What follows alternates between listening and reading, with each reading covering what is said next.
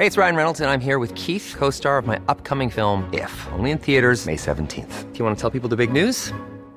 All right, I'll do. Sign up now and you'll get unlimited for $15 a month in six months of Paramount Plus Essential Plan on us. Mintmobile.com slash switch. Upfront payment of $45 equivalent to $15 per month. Unlimited over 40 gigabytes per month. Face lower speeds. Videos at 480p. Active Mint customers by 531.24 get six months of Paramount Plus Essential Plan. Auto renews after six months. Offer ends May 31st, 2024. Separate Paramount Plus registration required. Terms and conditions apply if rated PG.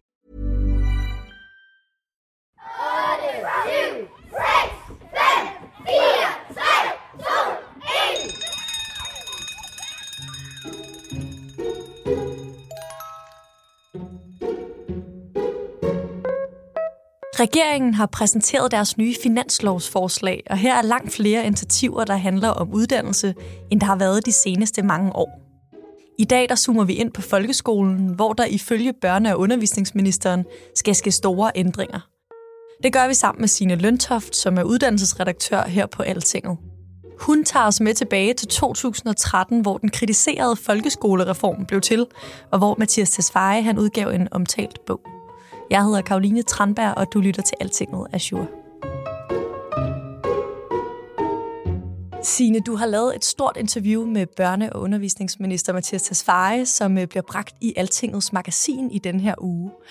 Jeg vil gerne starte med at høre, hvad baggrunden egentlig for, at du gerne vil interviewe børne- og undervisningsministeren lige nu?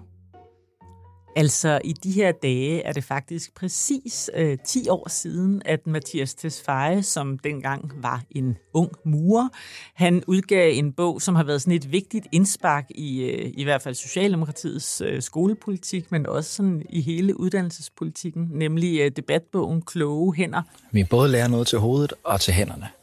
Og vi har både brug for kloge hoveder og kloge hænder. Den kom sådan i slutningen af august 2013. Så det var jo en fin anledning, når nu at øh, han sidder i stolen over i øh, Børne- og Undervisningsministeriet. Og så vidste jeg også, der skulle til at ske noget på området. Og hvordan kan det være, du vidste det? Det vidste jeg blandt andet, fordi at Mette Frederiksen i afslutningsdebatten i maj øh, i Folketingssalen sagde, at øh, nu vil regeringen tage fat i folkeskolen. Og det er vores klare mål som regering at skabe et bedre uddannelsessystem. Fra folkeskole over ungdomsuddannelser til erhvervsuddannelser og videregående uddannelser. Efter man har slået søm i den her øh, kandidatreform, som blev forhandlet over i øh, Forskningsministeriet hos Tesfajs kollega øh, sidste år. Og vi vidste jo også, allerede fra vi så øh, regeringsgrundlaget for SVM-regeringen, at det var en regering, som meget mere end mange andre regeringer havde et eller andet mål om at, at gøre noget ved uddannelsespolitikken. Fra første skoledag til sidste arbejdsdag, der skal I møde et uddannelsessystem, der tror på jer.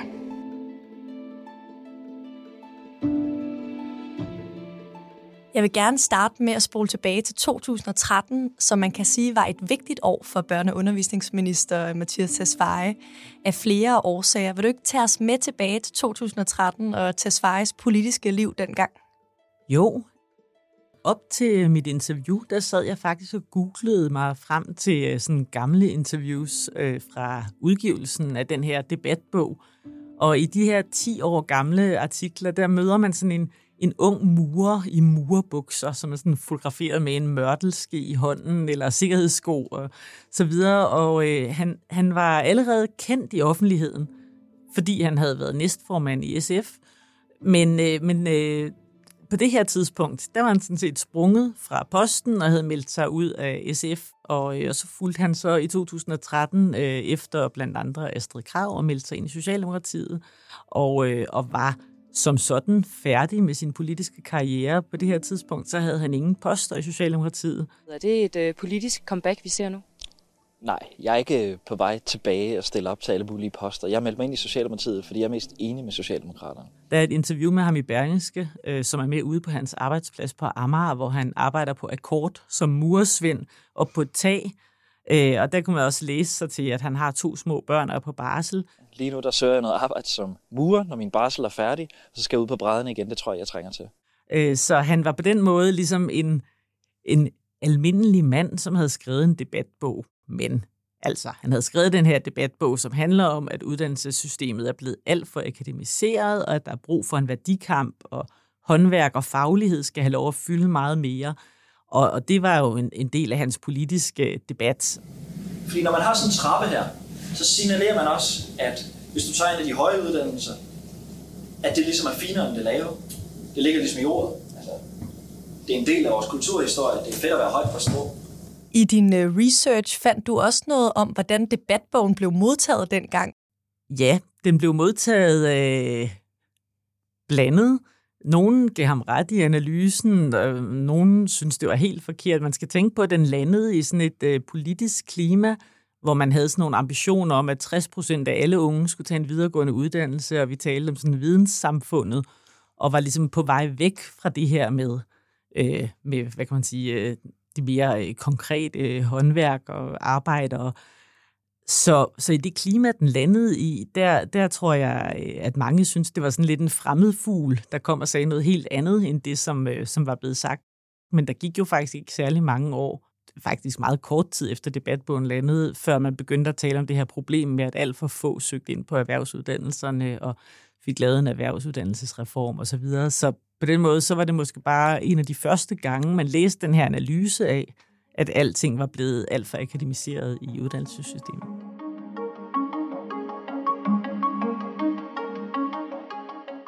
Året 2013, hvor øh, Mathias Tesfaye han meldte sig ind i Socialdemokratiet, det var også et ret vigtigt år for den danske folkeskole, ud over hans bogudgivelse. Vi fik en ny øh, folkeskolereform efter en del ballade. Vil du lige fortælle, hvad var ideen med folkeskolereformen dengang? Der er jo rigtig mange fortællinger om øh, folkeskolereformen, men øh, et af de store formål med reformen, det var, at flere skulle blive fagligt dygtigere. Reformen den kom sådan i kølvandet på, at danske elever i nogle internationale sådan nogle benchmark-undersøgelser, blandt andet PISA, var sakket bagud i forhold til de lande, vi sådan normalt sammenligner os med. Og, og så var det også et formål, at skolen skulle være bedre til at bryde den sociale arv. Derfor der ville man gøre skoledagen længere, øh, så eleverne kunne få flere timer, men også sådan, så der blev afsat øh, tid til øh, blandt andet lektielæsning i skoletiden, sådan så øh, eleverne ikke var så afhængige af at øh, kunne få hjælp og støtte derhjemme til deres skolearbejde. Det er ikke en heldagsskole, det er en helhedsskole. En helhedsskole, hvor alle børn lærer mere. En skole, hvor der er engelsk fra første klasse. En skole med flere undervisningstimer, særligt i dansk og matematik. Og hvorfor endte det her med at blive så upopulært? Det er der flere forklaringer på, og også sådan lidt afhængig af, hvem man spørger, øh, at, øh, at reformen den ikke rigtig opfattes som en succes. Men en vigtig del handler nok om, at for at kunne det her med at gøre skoledagen længere, så skulle man have lærerne til at arbejde på en anden måde, og øh, derfor røg man op til øh, forhandlingerne om reformen, så røg man ud i sådan en stor øh, konflikt omkring lærernes øh, arbejdstid, øh, lige før man lavede reformen. Fra starten havde man ligesom ikke lærerne med sig. De følte, at de blev øh, knækket i det forhold til den der øh, konflikt, som, som nogen i hvert fald kan huske, som endte med sådan en meget lang lockout af, af lærerne. I dag træder en øh, konflikt i kraft for næsten 60.000 lærere. Det er en konflikt, som berører i flere hundredtusindvis af børn, øh, og selvfølgelig også mange danske familier. Og det var jo lærerne, der skulle få alle de her ambitioner til at blive til virkelighed ude på skolerne.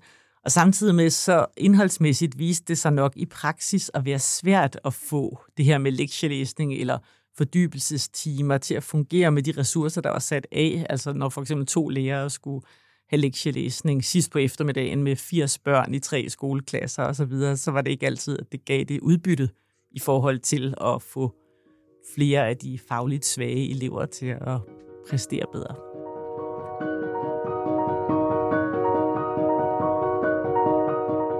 Signe, for tre år siden, der nedsatte den siddende regering dengang en øh, reformkommission, der skulle se på skole, skolesystemets opbygning. Øh, og deres tredje og sidste rapport, den kom i år. Og der var det her pressemøde, som allermest handlede om, at man øh, overvejede, at man skulle lukke nogle 10. klasser. Men hvad synes du egentlig, at det vigtigste i reformkommissionens analyse er? på mange måder så er Reformkommissionens analyse øh, faktisk noget af det i hvert fald lidt på linje med, øh, med Tesfayes analyse i kloge hænder. Altså at der på nogle områder er sket en, en øh, overakademisering i uddannelsessystemet.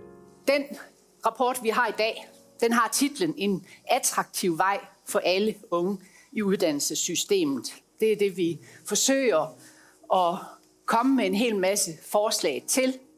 Men når du spørger, hvad jeg synes er det vigtigste, så synes jeg faktisk, det mest spændende i Reformkommissionens øh, analyse, det handler om det her med, hvordan man kan få unge mennesker til at fordele sig perfekt eller bedst muligt imellem alle de forskellige muligheder, der er i uddannelsessystemet. Fordi det er sindssygt svært, og der er så mange ting, der spiller ind, som er svære at fikse sådan politisk.